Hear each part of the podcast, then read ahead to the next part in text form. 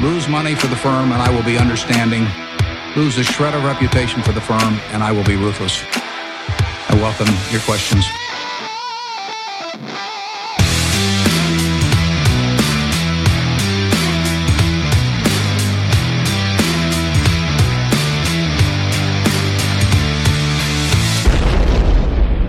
Välkomna till Kvalitetsaktiepodden. Det är jag som är Ola. Ja, och det är jag som är Klas. Eh, det här är avsnitt nummer 13 som spelas in torsdagen den 22 mars. Index står i 1524 och börsen är ungefär lika kall som ratten i min vinterfrusna bil. Så grattis till alla er som kortat index och sulat in barnens sparpengar i bitcoin-ETF istället. För där får man i alla fall lite volla. Och sen det här att Fed skulle höja räntan med 25 punkter igår kväll nu när Powell knuffat bort gällen. Det var ju helt väntat. Men vi undrar ju alla, hås-Ola, hur påverkas VIXen och DAXen av Trumps eh, ståltullar på kort sikt? Och du, när du ändå funderar på det. På DAXen, med tanke på den snabbt åldrande befolkningen och det ökande behovet av lättuggad mat. Borde man inte ta en poss i en godtycklig norsk laxodlare? Men framförallt undrar jag som vanligt, har du tjänat några pengar senaste timmen? Du, eh, nu vet jag inte riktigt vad jag ska svara. Är det där verkligen rätt manus, Claes? Och, ja, ja, förlåt. Jag letade ju lite inspiration på Darknet här innan. Det där verkar ju ha blivit manuset från till en helt annan börspodd. eh, hoppas ingen blir rädd där ute nu. Utan eh, det här är ju Kvalitetsaktiepodden som är tillbaka som vanligt. Och det här är faktiskt avsnitt nummer 13 och vi spelar in torsdagen den 22 mars. Och idag blir det konsumentupplysning för aktieinvesterare.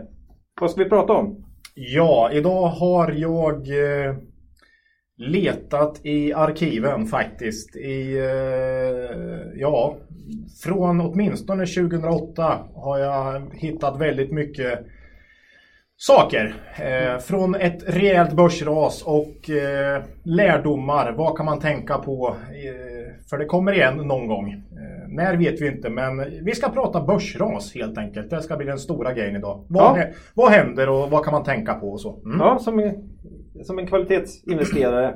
Precis. Ja, det var helt fantastiskt att få se vilken samling du hade. Vi åter, återkommer ju till det här.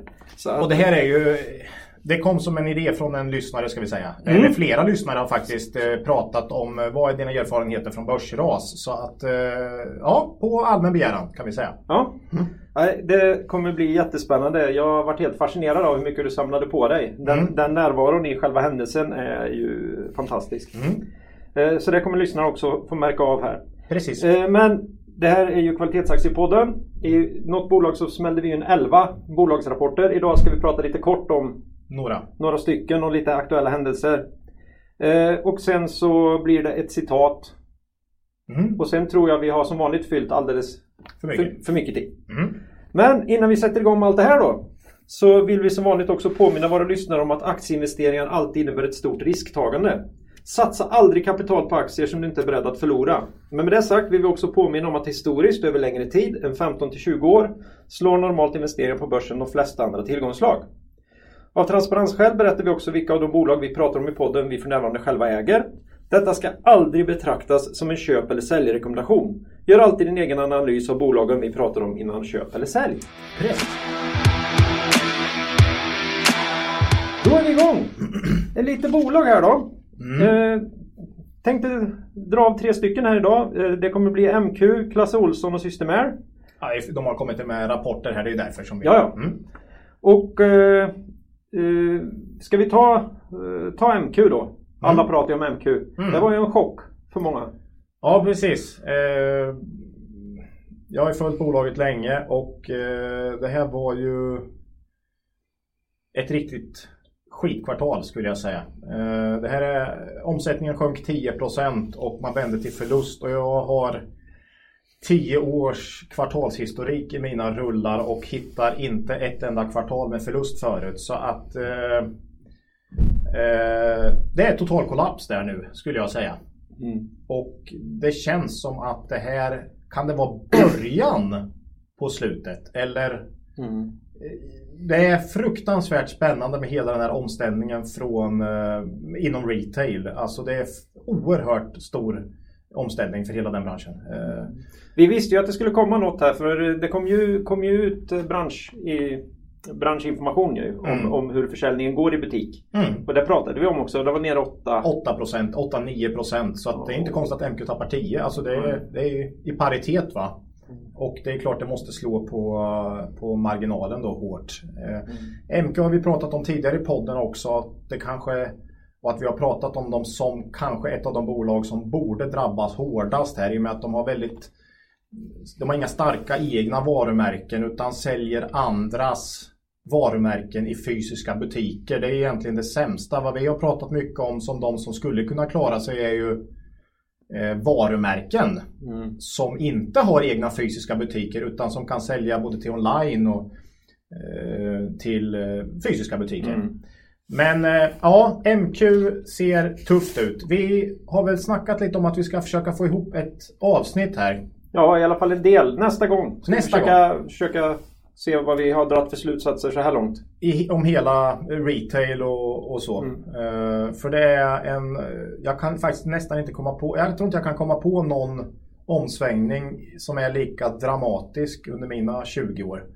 Faktiskt. Mm. Uh, det är en bransch och det här är ju inte teknikskifte egentligen uh, i, i, sin rätta mening då som det var när Facit slogs ut eller Eh, iPhone kom in och plockade bort alla Nokias telefoner och så. Utan det här är ju egentligen bara en ny kanal. Mm. Kläderna är samma. Det handlar bara om hur man säljer dem. Så att, eh, mm.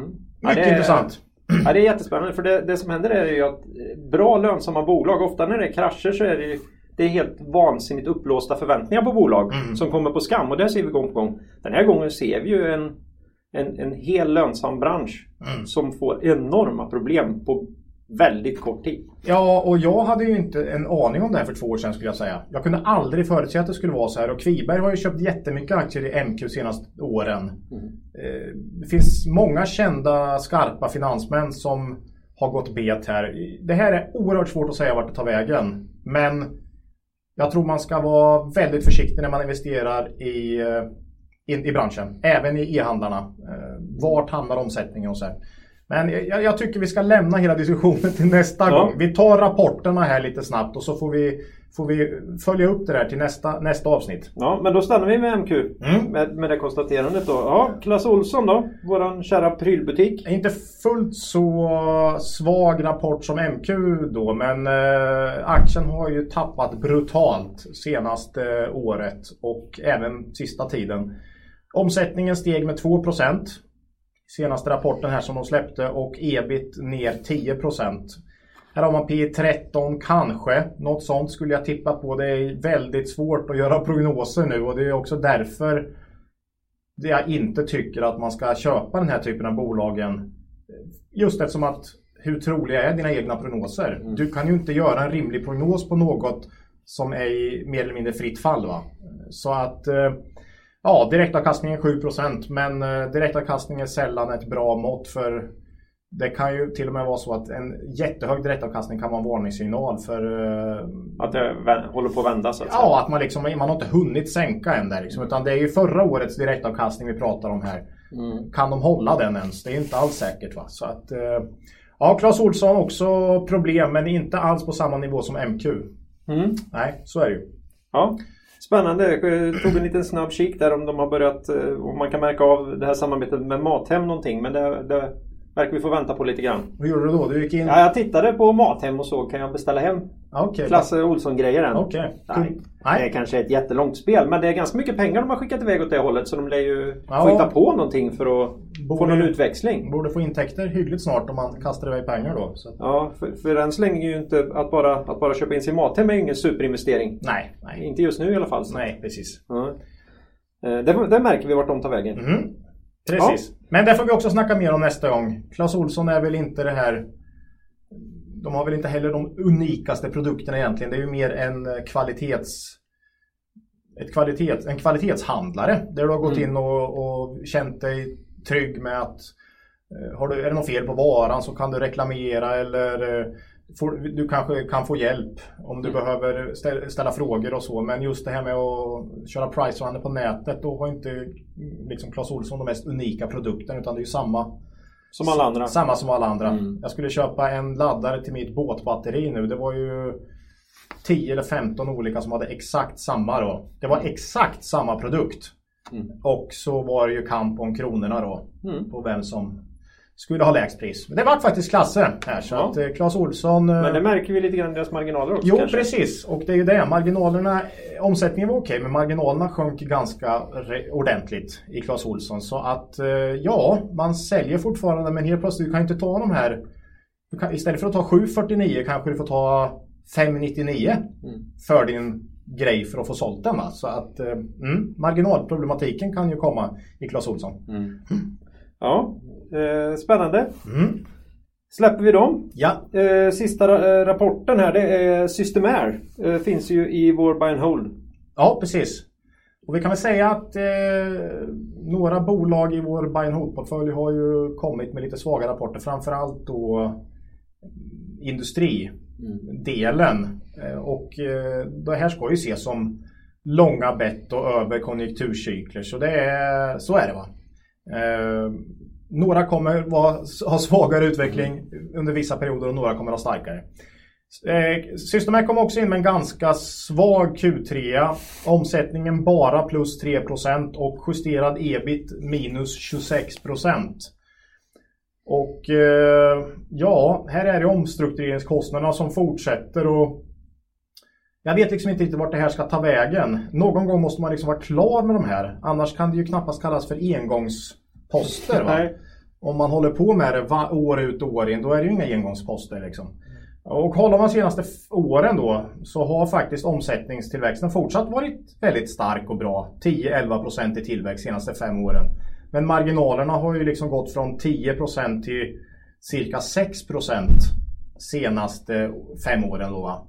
Så eh, 6% i marginal senaste fem åren i snitt, det är ju klart lägre än historiska. Och fem år är ändå en ganska lång period. Så frågan är om det inte är en lite lägre Det här är den nya svarta nu. Ja, kanske. Att det här är den nya liksom, normala, eller åtminstone ett mellanting. Kanske 8% då skulle kunna vara ett mellan, men 10% det var länge sedan de var där på de marginalerna. Och, eh, Frågan är ju, nöjer sig den nuvarande ledningen med det här eller? Nej, jag vet inte. Och Gerhard Engström då som är ordförande och grundare av bolaget, han eh, har ju klart högre ambitioner har han ju sagt i många eh, intervjuer. Inte på senare tid kanske, för jag har inte sett honom i några intervjuer, men tidigare då. Va? Så att, eh, han har nog högre ambitioner och han köpte faktiskt aktier här nu efter senaste rapporten såg jag för 74 miljoner kronor. Så det var inget litet köp här. Han har ett visst förtroende kvar för bolaget då. Absolut, och han är ordförande så han eh, känner väl att han kan ratta det där. Men eh, och jag, jag tycker faktiskt Systemair är fortfarande kvalitetsbra. De växer fint och eh, det ser bra ut på många marknader. Men man måste fundera på om marginalnivån generellt kommer vara lägre framåt än vad den har varit historiskt av någon anledning. Jag vet inte vad det beror på, men eh, det verkar så. Det kan vara någon prispress på marknaden. Man, man säger inte så mycket om det, utan det är framförallt eh, att man eh, har då mycket omstruktureringskostnader för man försöker liksom flytta produktion och ta bort olönsam produktion och sådär. Och sen så någon form av prismix, produktmix som inte har varit riktigt fördelaktig. Men det är ingen så här tydlig att det kommer in hård konkurrens eller så. Mm. Men eh, det känns som att 10% det ska man nog inte räkna med igen utan det är kanske 8 som ligger här liksom. Mm. I så fall. Som är rimligt. Eh, och ja, det är P19 ungefär. Så det, marknaden har fortfarande liksom inte gett upp hoppet riktigt tycker jag. Om att man ska hitta tillbaks till sin historiska lönsamhet. För P19 ger ju ändå lite förväntningar på framtiden liksom. Eh, Men det, är- det är ju sådär med ett grundmurat kvalitetsbolag, förtroende. Det tar lång tid. Som H&M till exempel. Det var ju under väldigt lång tid med sjunkande lönsamhet som marknaden ändå hela tiden benhårt höll fast vid att det här kommer tillbaks. Va?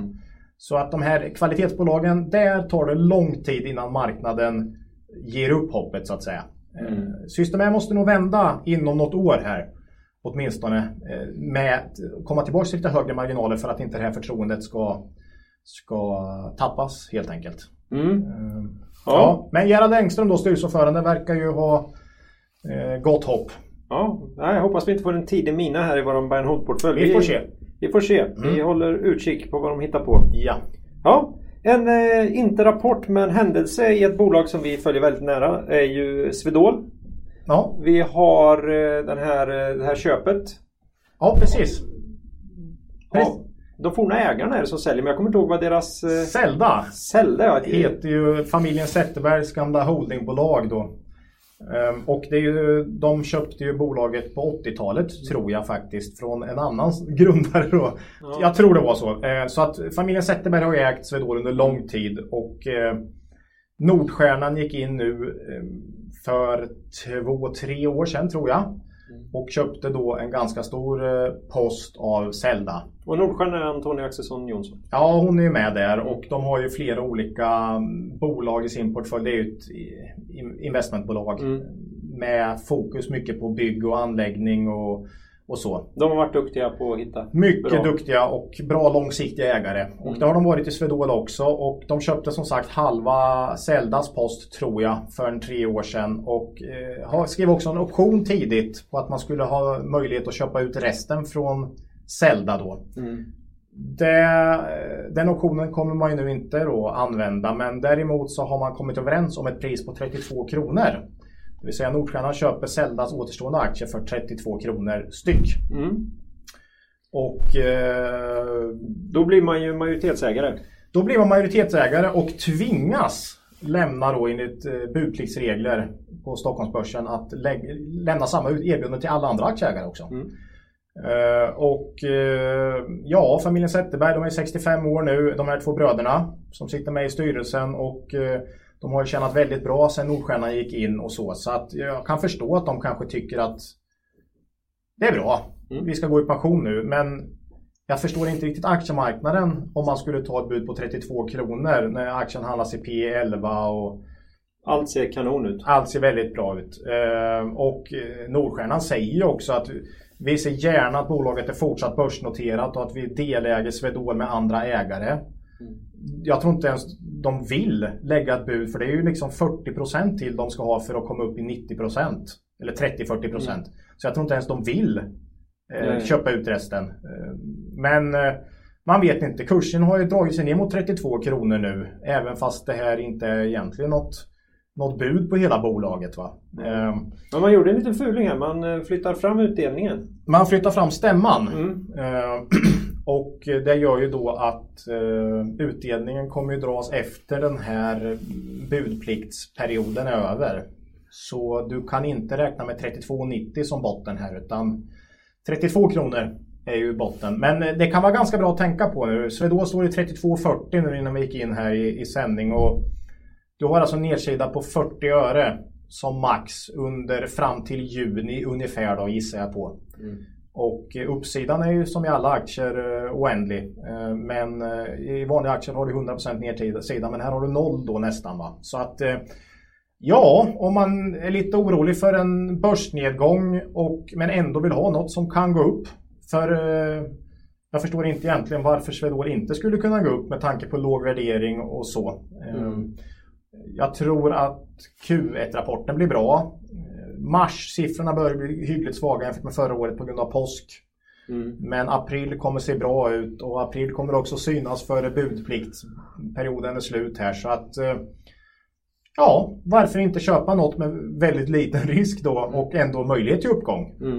Eh, För aktien som sagt handlas det i P11 och det är ett kvalitetsbolag. Så att eh, vi får se. Det man måste komma ihåg är att de måste ju skrapa upp 90% Mm. för att ha rätt att kalla, kalla Fin- hem resten så att säga. Kalla hem resten, precis. Mm. Och nu har de väl 55-60 någonting efter eh, de har köpt deras aktier. Så det är ju 30-40% som måste in här. Mm. Eh, Och det är frågan om de verkligen får in det. Ja, det ska ju till en börskollaps nu då i närtid här. Som gör att eh, marknaden gärna växlar in på 32 spänn istället då. Eh, Det här är en övergång så det låter som en tanke Ola. Ja, Jag tycker vi stoppar på Swedol där. vi stannar där. Och, Ja, så, och sen går vi in på nästa, mm. Håller med. nästa del av, eh, Håller med. av podden idag. Mm. Idag ska vi alltså eh, veckans, eh, eller avsnittets fråga och Mm. även ett tema här är ju det här med börskrasch eller kraftig börsnedgång. Jag vet inte vad man ska kalla det riktigt. Ja, med börskrasch, eller börsnedgång i alla fall, får man ju säga. Mm. Och då kan, pratar vi rejält här. Vi pratar 50% och sådär. Ja, precis. Mm. precis. Börsnedgång, eh, krasch. Det blir ju ofta krasch. Det är ju mycket mer extremt på nedsidan ofta. Mm. Ja, du har ju varit med. Du var ju mitt i, i smeten där när, när det gick ner där 2008. Mm. Och du har ju sett lite, lite skarpare svängar även, även därefter. Även om vi har haft en oerhört fin period nu. Sen 2008-2009 säger de, tänker de flesta då på. Mm. Eh, på börsen. Mm. Eh, och kanske inte främst i Sverige utan internationellt. Då. Mm. Eh, och när vi bestämde oss för att köra det här så du har ju haft sån närvaro när du satt i det här 2008 så du började ju samla på dig klipp Mm. redan då. Som, som någon slags, som om du betraktar det här nästan utifrån. Jag är helt fascinerad. Nej, men jag ville på något sätt för egen del komma ihåg hur det var. För det är så lätt i en annan period, en annan typ av börstid att glömma bort hur det är i börskrasch. För, ja, Warren Buffett har ju ett antal eh, utklipp som sitter på väggarna på, på kontoret som är från de stora börskrascherna i USAs ja, historia. det är precis Eh, samma Ja. ja. Och det ska ju påminna då om liksom, Mm. de här tillfällena. Det är lite som den här eh, slaven som viskar i kejsarens öra. Du är, du är dödlig va? Ja, Ja, precis. Inte glömma bort hur det, hur det kan vara så att säga. Nej. Eh, nej, så då, då är tanken så här lite grann att eh, du har botaniserat här i Mm. eh, och eh, tänkte plocka, plocka upp lite, börja med att plocka upp lite vad det kunde stå i tidningarna då. Mm, precis. Och sen går vi vidare med lite re- reflektioner runt det och lite lärdomar som Mm. du, du bär med dig Precis. varje dag när du Det är varje dag precis. Ja. Och jag vet inte av våra lyssnare hur många som eh, hållit på kanske fem år bara eller alla kanske inte var med 2008. 2011 var ju också en ganska stor nedgång med Greklandskrisen och sådär. Men eh, har man, liksom, har man inte varit med 2008 då kanske man har missat en väldigt viktig del i, i att vara investerare på börsen. Liksom. Eh, Och, och som man förstår eh, fonden här så du, du satt ju med ganska rejält med pengar på börsen redan med den här tiden och eh, var fullinvesterad Mhm. när det började Absolut. eh, vandra neråt här. Ja, Och du var ju med Mm. och förlorade. Förlora, förlora, men, Ja, eh, kan, men depåvärdet sjönk ju rejält. Liksom. Ja. Så är det. Ja, Och det, för i det här läget spelar det inte jättestor roll. Du visste ju att du satt på kvalitetsbolag och det att med en kraftfull underliggande intjäning och så vidare. Mm. Men i den här typen av händelser så spelar det ingen roll. Marknaden är fullständigt skoningslös mot i stort sett allt och sen några branscher vansinnig. vansinnigt ja. Ja. Ska jag köra en liten... eh, Jag har sparat massa tidningsurklipp då från hösten 2008. Så jag läser lite bara för att sätta oss i rätt stämning. Man måste förstå liksom. Mm. Första klippet från Dagens Industri 2008, 10, 11. Sämsta veckan på över 70 år var rubriken. Efter, en för, efter den förödande serien minus 7%, minus 3%, minus 6%, minus 1% och minus 6% slutade börsveckan på ett ras med nära 21%. Ja, så kan det vara. Och det kan vara en rubrik. Sämsta börsveckan på 70 år. Det här måste man veta även idag. Det kan hända nästa vecka. Det kan vara om ett år eller två. Det kommer komma igen. Men så där ser det ut va? Ja. Och då ska man veta att eh, sen, sen i juli det året så hade börsen redan gått ner lite, lite långsamt. Ja. 40 procent. Ja, det var, innan den här veckan så hade i alla fall bör- börsen gått ner 40%. Mm. Men det här var ju kulmen då, slutet på, på själva eh, nedgången då kan man säga. Så den här veckan var slut och var vi ner lite mer än 60 procent sen sommaren. Precis. Det är nog de som du pratade om innan som har varit inne i fem, fem år här. Mm, mm. De har nog väldigt svårt att relatera till, till det. Ja, precis. Men det, jag har det i alla fall. Ja, jag förstår det. Men det kommer komma igen. Mm. Frågan är när bara. Ja, Svart humor flödar i finansmörkret. Var en rubrik och en artikel som jag läste. Och då hade de tagit lite eh, skämtsamma saker som flödade på e-postkonton och eh, så vidare. va. Krisskämt. Eh, sådär va. Och eh, den brittiska premiärministern bland annat ska ha sagt då under ett föredrag i London att jag, jag gick för att köpa en brödrost och fick en bank på köpet. Den typen av skämt var utbrett i samhället. Det känns konstigt nu, men det, det var så. va. Och kassaflöde, dina pengars rörelse när, du försvinner ner i to, när de försvinner ner i toavloppet. Windows, det du hoppar ut från när du är stackaren som köpt aktierna för 240 dollar styck. Vinst, ett ålderdomligt uttryck som ej längre används. Det var så man pratade va. Eh, ja, ni förstår. Mm. Det är den humorn, det är galghumor helt enkelt. Ja. Var... Och folk hoppade ju dessutom Ja, ja, rent fysiskt från eh, fönster på Wall Street eh, i des desperation liksom. Mm. Det här med att inte bada naken som vi har pratat Ja. mycket om. Eh, EMF, eh, finanssystemet nära sammanbrott från eh, 12 oktober 2008. Dagens Industri, Stockholmsbörsen, svart börsfredag. Eh, TT, är det köpläge? Frågar om Peter Malmqvist. Mm.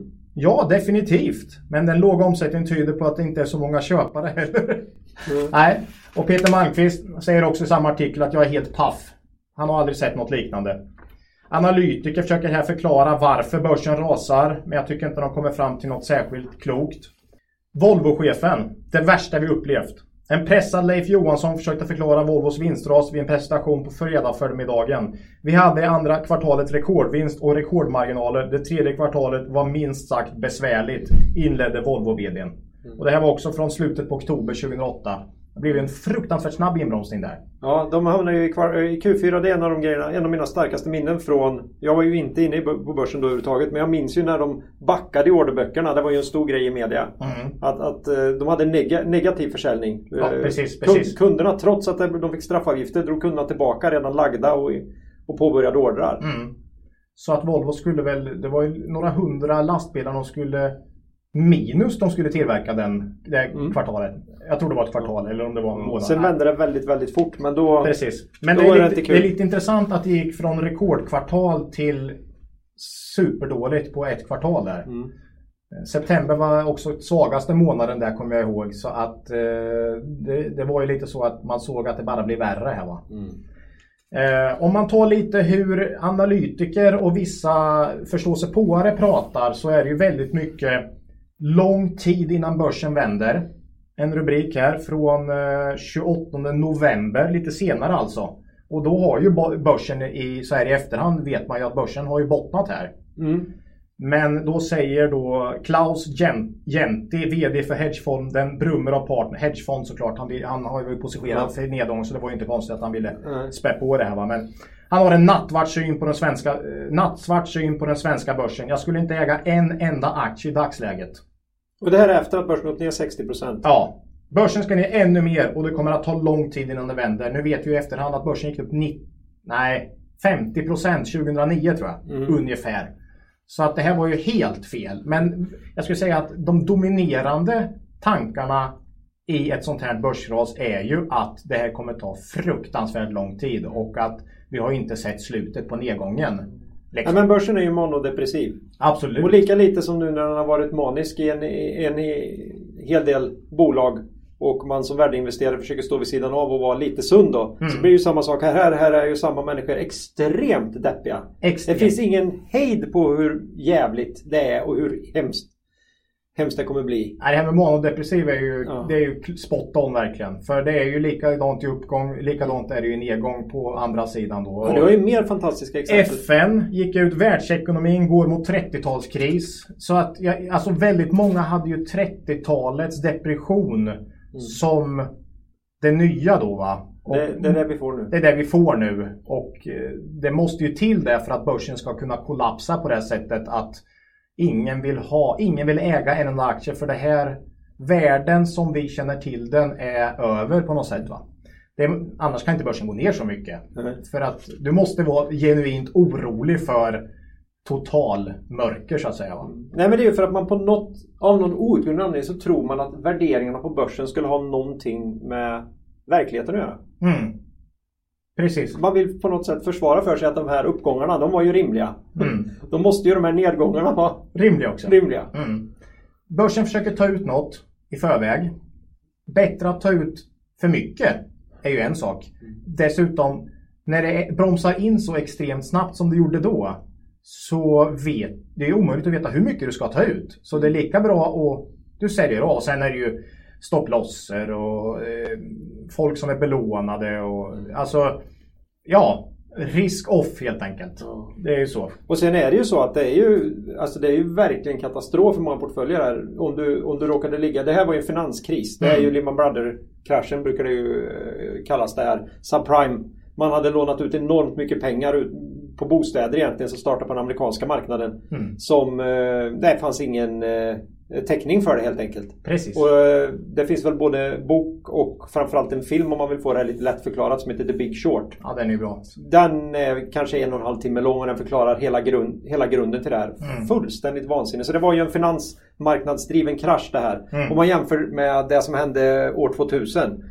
Eh, då det var en klassisk eh, bubbla. Ja, en bubbla. Man trodde, man har gjort det med tulpanrökare den här gången så trodde man att IT, olika IT-aktier av nödvändighet skulle vara oändligt mycket värda och bolagen skulle tjäna sådana vansinniga pengar i framtiden. Mer pengar än vad som fanns i det ekonomiska systemet skulle Precis. de här IT-bolagen dra in så att säga. Men här var det en finanskrasch och det vet inte om du kommer tillbaka till det men det var ju bankerna här. Ja, här var det ju... Om, om, Som fick ta enormt. IT-bubblan var det ju såklart då allt från Ericsson till Framfab som drabbades värst. Men här var det ju bankerna. Och, för att en börs ska kunna gå ner 60% i snitt som börsen gjorde då under den här nedgången så måste ju några aktier gå ner mer än 60% såklart. Och det var ju bankerna. Det var ju 90% på många av bankerna här. Eh, ner alltså. Mm. Men vi kan återkomma till det. Läser upp några till här. Finanslegendar. Börsen ska ner 50% till. Det här är, också, det, det här är dagen före Lucia 2008. Då vet vi också så här i efterhand att eh, det värsta hade faktiskt varit. Finansprofilen Jim Rogers räknar med att USA-börsen tappar mer än hälften av sitt värde. Eh, Goldman Sachs spår nya börsras, också från december 2008. Nattsvart prognos för 2009, 17 eh, december. USA-börsen faller med 50%. Ett oljepris på 25 dollar och nolltillväxt i Kina. Det spår den danska investmentbanken Saxo Bank i en minst sagt dyster prognos för 2009. Och 2009 blev ett väldigt bra börsår. Så att det, är, det där är också den monodepressiva delen. En till som jag vet var positiv i slutet på 2008. Mats Kviberg. Börsen börjar klättra 2009. Det var en av få som stack ut. Det var han och Peter Malmqvist som, eh, eh, som sa köp faktiskt. Som jag kommer ihåg tydligt. Under eh, hösten, vintern 2008 där. Och eh, då fick han dag- i frågan i Dagens Industri här den 18 december 2008. Så hur går det börsåren, börsåret 2009? Jag tror att den går upp. Men det är klart det kan bli stökigt. Mm. Så att, och det blev ju 50% upp där. Så att eh, vissa håller fast och eh, han tjänar väl säkert mycket pengar på det. Ja. Jag antar att eh, Brummer och Partners hedgefond inte gick lika bra under 2009. Nej, jag kan tänka det. Eh, Och det här är viktigt att komma ihåg att det är inte så att du satt och skrattade och kände att det här har du koll på vad som kommer hända här. Nej, nej. Det enda du såg var, det du började se var att väldigt många fina bolag började bli fruktansvärt billiga. Ja, det är så precis. du upplever det här. Precis, och eh, den här eh, kollektiva liksom, psykologin som eh, fascinerar mig också. Både i uppgång och nedgång. Men det blir så mycket tydligare i nedgång för det blir så mer, mycket mer dramatiskt. Panik är mycket starkare känsla än girighet. Girighet ligger mer och tuggar i gnor va? Medan paniken är ju en, en häftig känsla. Va? Ja. Liksom, fly, fly liksom. Nej men alltså den här, den här eh, uppgångsvansinnet är ju mycket att du har gjort en helt korrekt analys av att Fingerprints, Fingerprint Cards är jättefarligt att gå in i. Mm. finns ingen riktig fundamenta. De har gjort lite kortsiktiga vinster där, men kan det här hålla? Mm. Och sen så tjänar din kompis. Så kommer han och säger, du vet de där pengarna jag sa, nu har jag dubbelt så mycket här. Mm. Ja, till slut så känner du att ah, det här verkar ju bara gå upp och upp och upp och, Precis. och upp. Ja, så det, det tar lite mer tid. Men alltså, när, när sen botten går ur den där och du känner att hela, mina, hela mitt livs besparingar håller på att gå upp i rök. Precis. Då, Då. Precis. då går det fort. Ja, så är det. Jag, jag tar två klipp från 2011 också. Den är inte lika många som kommer ihåg Det kallas väl Greklandskrisen Ja, va? det- om det första var finanskrisen så var skuldkrisen var det samlade namnet på, Mm. Ja. på det här. Och Grekland fick liksom Ja, det var ju- det var stå ju- skott för Ja, vad som var fel. Royal Bank of Scotland. Krisen accelererar.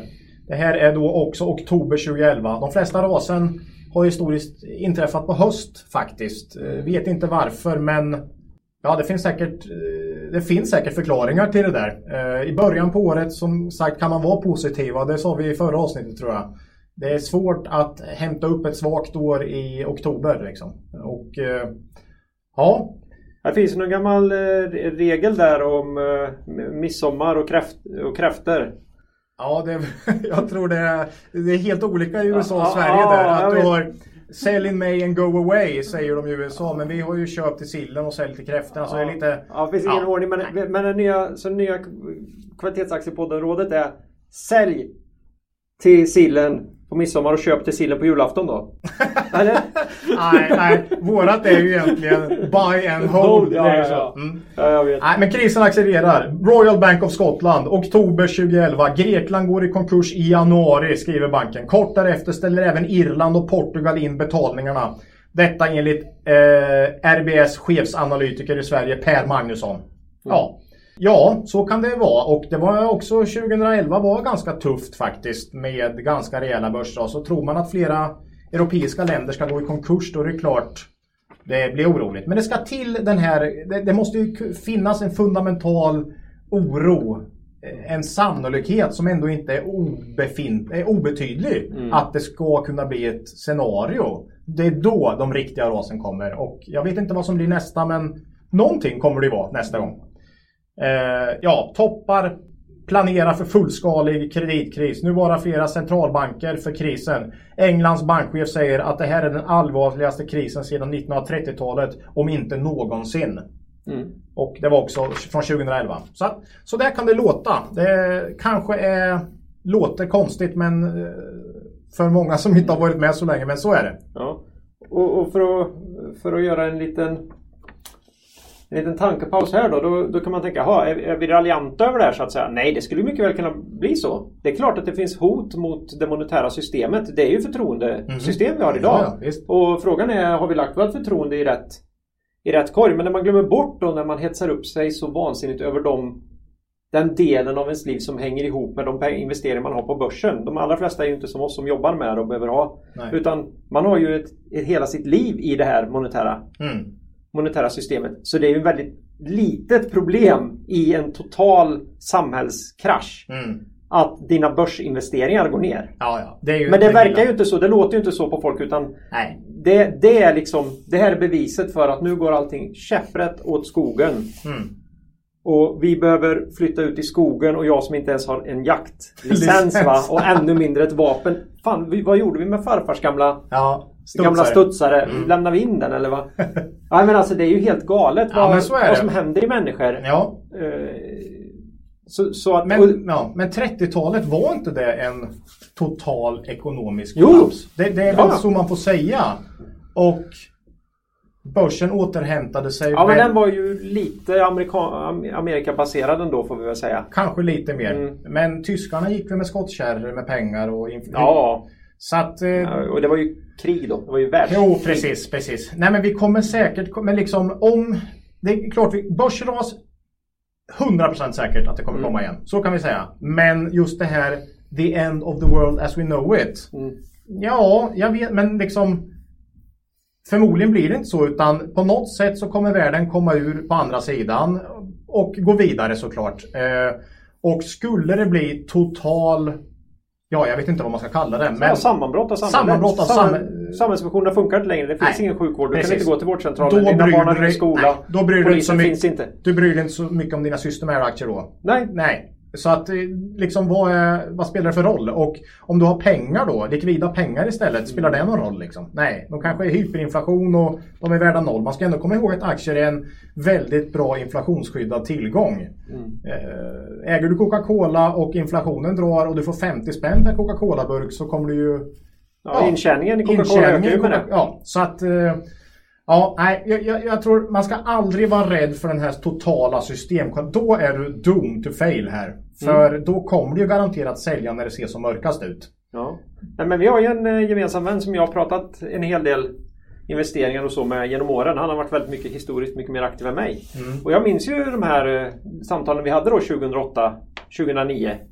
När han började prata om att kanske rädda de pengarna han hade och köpa sig en gård. Och Kändes tryggt att veta att man skulle kunna odla sin egen mat. Och, Ja, ja. alltså det, är, Ja, det, det är ju jättehemskt. Mm, mm. Uh, oturligt nog så blev han kvar lite grann sen i, i den svängen för han läste på ganska mycket om, Mm. om eh, Så hade han satsat på skogen hade det varit kanon men jag tror han gick in rätt tungt i Black Earth Farming och det har kanske inte varit den Bästa Det här är investering. den bästa investeringen. Nej, Eh, Men det gick ju bra sen.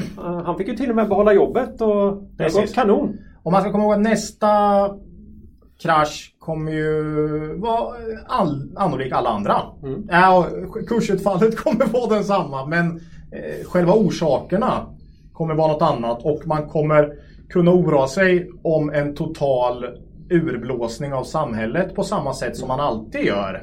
Mm. kommer man definitivt göra. Så att, eh, men frågan är bara vad det är. Men ja, världen kommer ju gå vidare på något sätt. Definitivt. Mm. Så är det. Eh, nej, om man ska ta då lite lärdomar här då. Eh, för de som inte har varit med i, i större ras så är det ju att eh, allt tappar. Det är inte så att eh, du liksom kommer undan eh, genom att ha några specifika aktier. Det är oerhört sällan du kan ha någon aktie som går plus. Liksom. Jag har hittat något exempel men det är nästan omöjligt. Eh, Även stabila aktier tappar. Går börsen ner 60% i snitt som den gjorde då så ska det mycket till om du ska gå plus va, på en aktie. Axfood ses ju som en hyggligt stabil aktie. Gick ner 50% från toppen 27 till hösten 28. Ja, det, här är, det här är ju så fantastiskt. Alltså, de, de har ju matbutiker. Ja, matbutiker. Och även en del varumärken. Mm, Vill. Willys. Ja, Mm. bland det säkraste du kan ha. Enda anledningen till att du, du handlar ner dem det är att du förväntar dig att hela samhället Kollapsar. kollapsar. Plus att de hade ganska hög värdering innan. Men ändå, helt plötsligt får det något som knappt tappade. Jag tror inte de, alltså det var någon procent de tappade i omsättning. Men aktien... Men det är ju inte ICA som också har bankverksamhet utan Nej. Investor 50% men då var det ju alla deras innehav då såklart. Mm. Eh, Assa Abloy känns som ett hyggligt stabilt minus 60%. Eh, Eh, men som sagt, det var ju bankerna som var den extrema sektorn i just det raset och det var ju Swedbank minus 93% från topp till botten. Det är från 200, jag tror det var 220 kronor den stod i och gick ner till 19-20 spänn eller något sånt där. Mm. Eh, SCB minus 87. Så banksektorn låg ju och snittade på 80-90%. Var det, var, det de, var det de två som hade den här exponeringen mot Baltikum? Ja, som det, Swedbank hade väl den värsta om jag kommer Ja. ihåg rätt. Eh, och sämst balansräkning. Mm. Handelsbanken hade väl bäst balansräkning och tappade minst men det var ju ändå brutal nedgång. Mm. Liksom.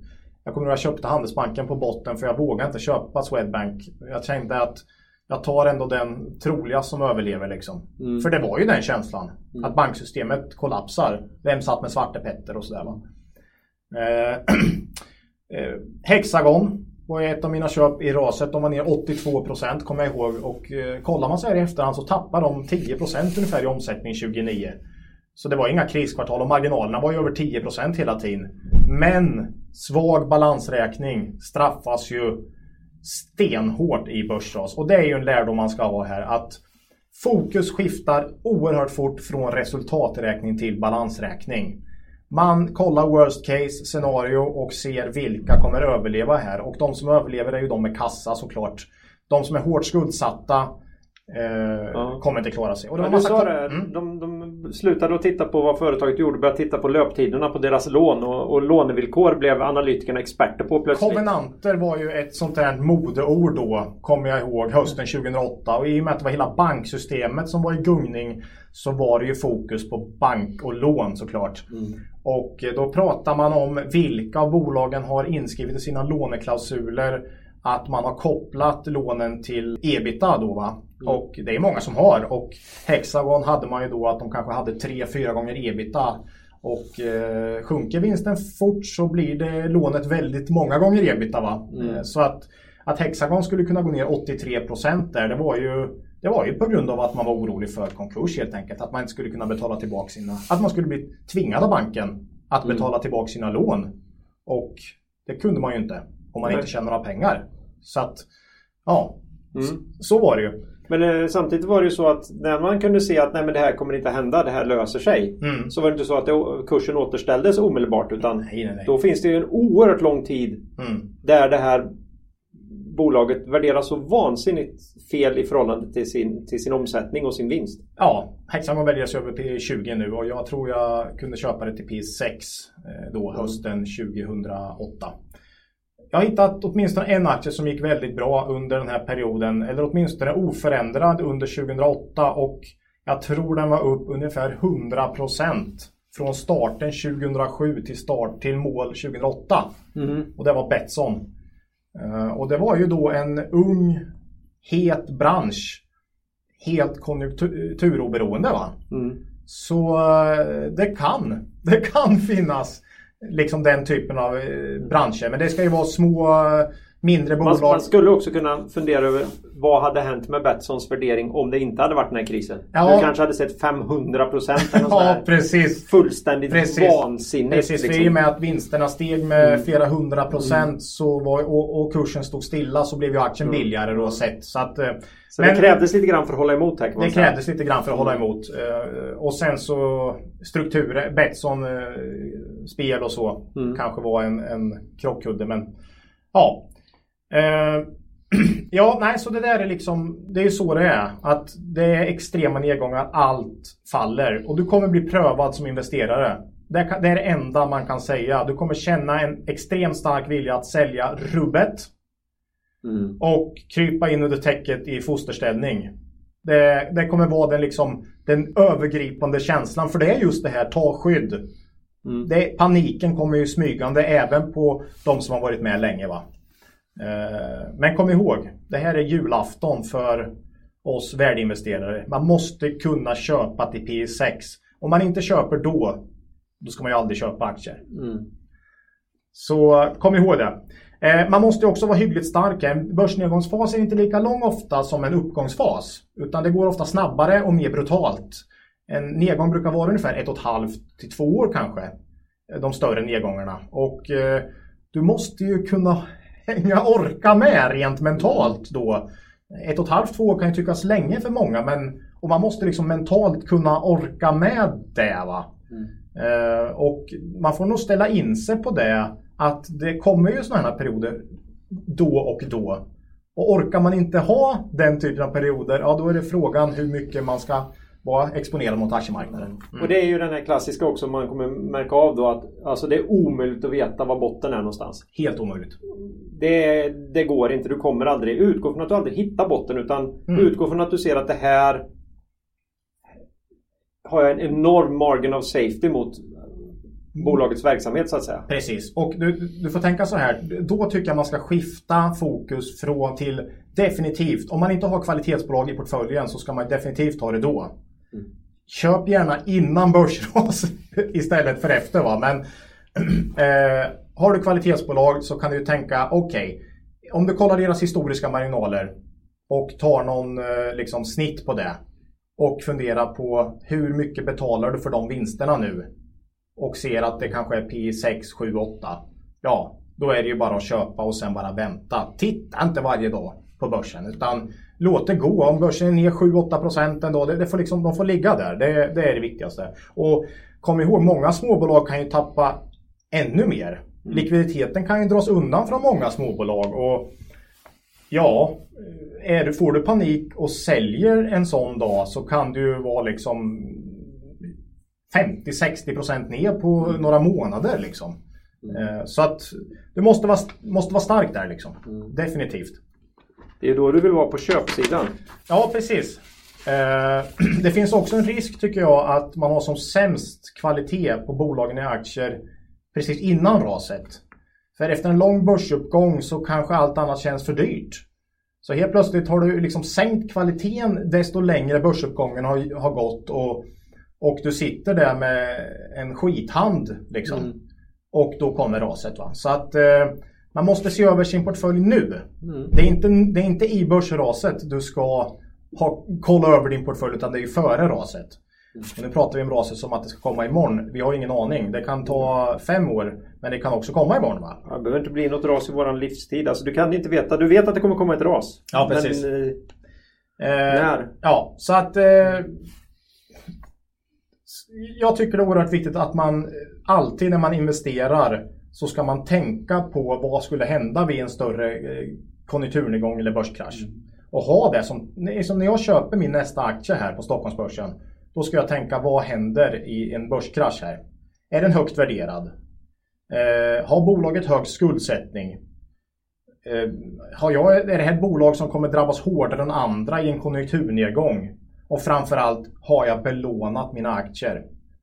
Den absolut största risken som jag ser det och det enda, om jag ska ge ett enda råd inför en börsnedgång så är att var inte belånad. För då kan du ju tvingas sälja när du själv inte vill. Va? Ja, och då är vi tillbaka till ett av de viktigaste råden från den här podden överhuvudtaget. Eftersom du aldrig vet när börsnedgången kommer, mm. var aldrig belånad. Nej, precis. Och många har ju alltid pratat med mig om, men Ola, herregud, du som har så bra avkastning historiskt du, måste, du skulle tjäna... Shit vad du skulle kunna tjäna mycket pengar om du hade varit belånad. men jag vill inte. Men hade, du varit, hade du men varit bara 10-20 procent. men hade jag varit belånad till 20-30 procent 2008, då hade, då hade jag, här idag. Nej, då hade inte jag stått här idag. För då hade jag varit borta. Och då har ju många... Mats O Sundqvist var en av dem som mm. är en stor finansman som blev wiped out. Va? Den risken, det är inte värt det att tjäna lite mer pengar i, i uppgång för att riskera att bli blank mm. i nedgång. Va? Eh, så... Nej men det är, ju, det är ju en jättefarlig genväg till rikedom. Du ger dig ut på den här lite dåligt förankrade smala spången över, mm. över brådjupet så att säga. Och, och, och där nere det, finns det dessutom krokodiler. Ja. Det, men det är tufft. Eh, det känns säkert skitbra när man får in de här pengarna på depån. Mm. Men de ska tillbaka sen någon mm. gång och du vill inte att banken ska kräva tillbaka dem eh, vid fel tillfälle. Och de kommer vilja ha dem Hitta på den sämsta dagen mm. för dig att behöva lämna. Det är exakt den dagen. Precis. Då ringer de. Och du har dessutom lite mindre bolag på midcap som fortfarande går att belåna och eh, in, det finns inte en enda köpare i orderboken. Mm. Det, den dagen kommer Nordnet ringa dig och säga nu vill vi ha tillbaka våra pengar. Mm. Eh, ja, så tänk på det. Belåna inte. Men för lite ljus i tunneln här tänkte jag ändå på slutet. Världen kommer inte gå under nästa gång heller. Nej, det har inte gjort det hittills. Nej, det, nej, precis. Och skulle den göra det, komma en eh, komet eller vad, då spelar det inte någon roll om du har dina aktier kvar. Va? Eller så, va? så att eh, liksom gör den det så, så liksom allt tycker jag ändå kommer tillbaks till att köp bra kvalitetsbolag med starka balansräkningar och äg över lång tid. Köp aldrig dyrt dock. Mm. Så att eh, du inte betalar för mycket även för ett kvalitetsbolag. Va? Gör du det så kommer det alltid gå bra. Du får väl vänta två, tre år, men de kommer ju klara sig. De kommer också gå ner med 50% kanske, eller 40. Men... Ja, vi har ju sagt det många gånger som vi började i oktober här att ja, vi har mycket likviditet. Det är tufft ute. Mm. Ja, ja. Det är jättejobbigt för värdeinvesterarna. Buffett mm. eh, konstaterar det glatt i sitt brev också ju att det är tufft. Det verkar, folk verkar ha obegränsat med pengar att spendera på, på, vad som helst just nu. Men om du inte betalar för dyrt och du köper kvalitetsbolag så kommer du klara dig även nästa börsras. Och det blir ju alltid en kapitalöverföring från hårt belånade. För de som tvingas sälja en sån dag, om du då ligger med likviditet där med en köporder på minus 20% då blir det ju automatiskt en pengaöverföring från de hårt belånade till dig som är obelånad. Va? Mm. Så det är liksom en, en överföring från de som har badat nakna till de som har badbyxorna på helt enkelt. Mm. Eh, och aktier också, en sak till är ju inflationsskyddade tillgångar egentligen som vi sa där. Eh, om Coca-Cola och det är inte säkert att likvida medel är bättre. För det är ofta den känslan man får att jag säljer allt och ligger likvid ett tag. Men det blir lite beroende på vad det är för typ av nedgång så kan det ju faktiskt vara så att likvid... Och ofta, det, förmodligen så är det klart sämre i och med att i en börskrasch så har du en uppgång efteråt. Va? Mm. Men eh, likvida medel är ju inte inflationsskyddat medan aktier är det till viss del. Då. Så, att, mm. ja. Ja. så är det, var inte rädd. Eh, men tänk på nu mm. vad du har i portföljen. Tänk inte på det när kraschen är ett faktum. Nej. Nej. Vi kanske ska stanna där. Ja, ja. Det, var, det var glatt. ja, det ska, det ska inte alltid vara glatt. Ja. Men framförallt är det väl bra att prata om krasch innan kraschen kände jag. Så att det var... Men jag, jag, jag, känner inte riktigt att vi ändå fick fram det här. Så jag tänker när vi nu tar citatet här som har en oerhört stark koppling till det här. Så tänker jag att vi tar det från den positiva sidan. Ja, ja det vi försöker säga här är att det finns Börskrascher är ju, är ju våran... Julafton som jag sa. Ja, det är mm. jätteviktigt men det är skitjobbiga händelser. Mm. Men det är... Det är ingen rolig julafton, så kan jag säga. Du, du mår inte bra på julafton, men det är ju julafton för du kan köpa billigt. Men du kommer inte vara glad, för du har ju en portfölj som tappar 10% i värde varje dag. Men ja, så är det. Men då är det ju så här i alla fall att... Vem ska vi hålla oss i? Ja. Ja. Vem, nej, jag vet inte. Vem, vem vänder vi oss till? Såklart, oraklet från Omaha. Ja, ja. Mm. Mr Buffett, eh, om galenskap på börsen. Han har sagt Be fearful when others are greedy. Be greedy when others are fearful. Ja. Och det är ju exakt så. Lättare sagt än gjort. Men det är ju många av hans bevingade ord är ju lättare sagt än gjort. De är enkla men oerhört svåra att eh, genomföra. Men så kan man ta ett exempel då så är det kanske nu att be lite fearful då när börsen har gått upp under lång tid och be greedy när börsen gör inte som Saxo Bank här eller vad det nu var som jag läste upp här från 2008 och säg att eh, Extrapolera det här. nu. extrapolera det här nu i flera år. Utan du måste köpa när du kan köpa till P6. Liksom. Mm. Det, det måste du göra. Annars är du dömd att misslyckas om du inte vågar köpa när börsen har gått ner med 50 procent. Liksom. Eh, Och vi tycker ju inte det är jobbigt att sitta med lite torrt krut. nej, Vid de här värderingarna på börsen så, så känns det bra. precis. I, i avvaktan på en, på en, ja, en större korrigering helt enkelt. Ja, och jag, många som har väldigt svårt att hålla likviditet också tycker jag. Eh, Att man känner att nej, men det bränner så långt i fickan på Mm. många och så kastar man sig in i något tveksamt då till slut för att ja, fan, börsen går ju upp och eh, det här ser väl ändå okej ut men måste våga hålla likviditet om du inte hittar något som känns vettigt. Va? Eh, Oerhört viktigt. Ja. Nej, många kommer kanske vända emot oss att vi i ett tidigt avsnitt, men då hade vi inte så många lyssnare så kanske inte ska återupprepa det. Men, Vad var det? Ja, vi sa ju också att eh, på svenska ungefär att väldigt mycket mer pengar har förlorats i, i väntan på korrigeringar än i själva korrigeringen. Mm, ja. Eh, Lynch tror jag. Ja, det är ja, Lynch. absolut. Ja. Eh, och då säger man, ja, men nu, och helt plötsligt så sitter ni med med torrt krut här. Mm. Nej, vi investerar verkligen även i den här miljön när vi hittar grejer där vi känner att vi får en margin of safety. Precis. Men det är så svårt. Ja, så ja. då är det inte jobbigt att faktiskt ligga på Nej, lite- det, det blir ju vad det blir. Men som Lynch, likvider på depån. Lynch har helt rätt där. Mm. Du får inte sälja av lågt värderade aktier för att förbereda det. Det är det man inte ska göra. Mm. För att förbereda dig på en börsnedgång. Men hittar du inget så ska du inte köpa något såklart. Nej. Nej. Ja, Så, så var det med det. hoppas man har lärt sig något. Ja, Mm. härligt Ola. Ja. Eh, ja, vi springer iväg här. Eh, vi ska försöka knyta ihop säcken som vanligt. Mm. Och då säger jag så här att om två veckor blir ett nytt avsnitt. Mm. Då borde det vara den 5 april. Och vad tänkte vi prata om då Ola? Ja, vi sa ju nu att det blir lite utmaningar för butikshandeln och, eh, och så. Vi ska ta ett samlat grepp på detaljhandel. Mm. Svensk detaljhandel och prata om eh, strukturella saker och enskilda bolag. Mm. Tänkte vi. Ja.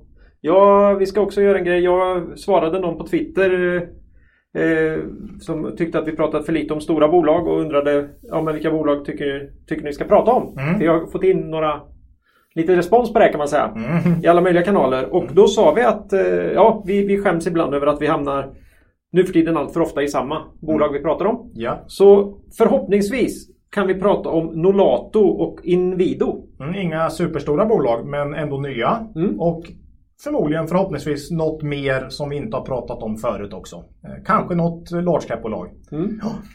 Så att eh, det har vi att se fram emot. Och sen så hade jag fortsätta temat med nedgång här och tänkte eh, ta lite dåliga investeringar jag gjort.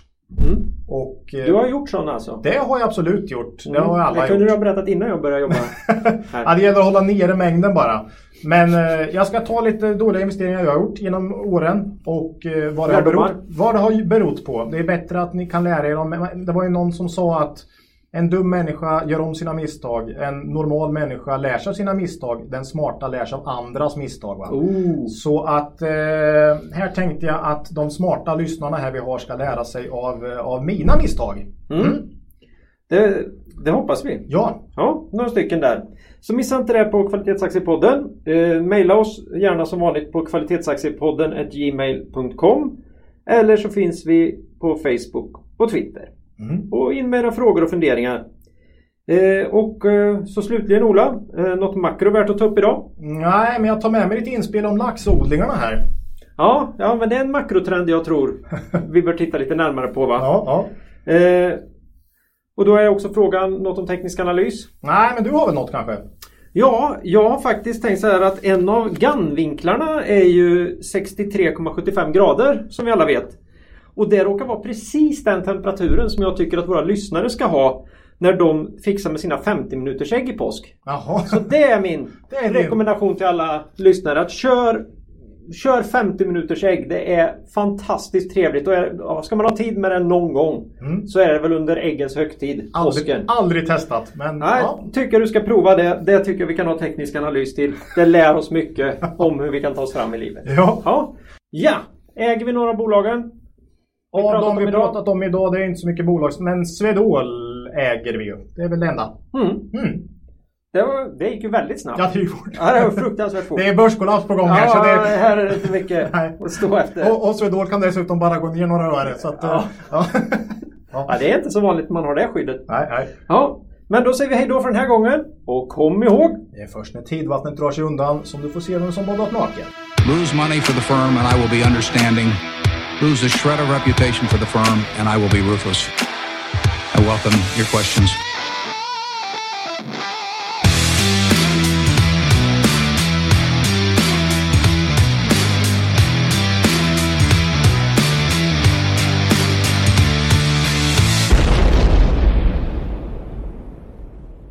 När jag ser en posse, då tar jag den.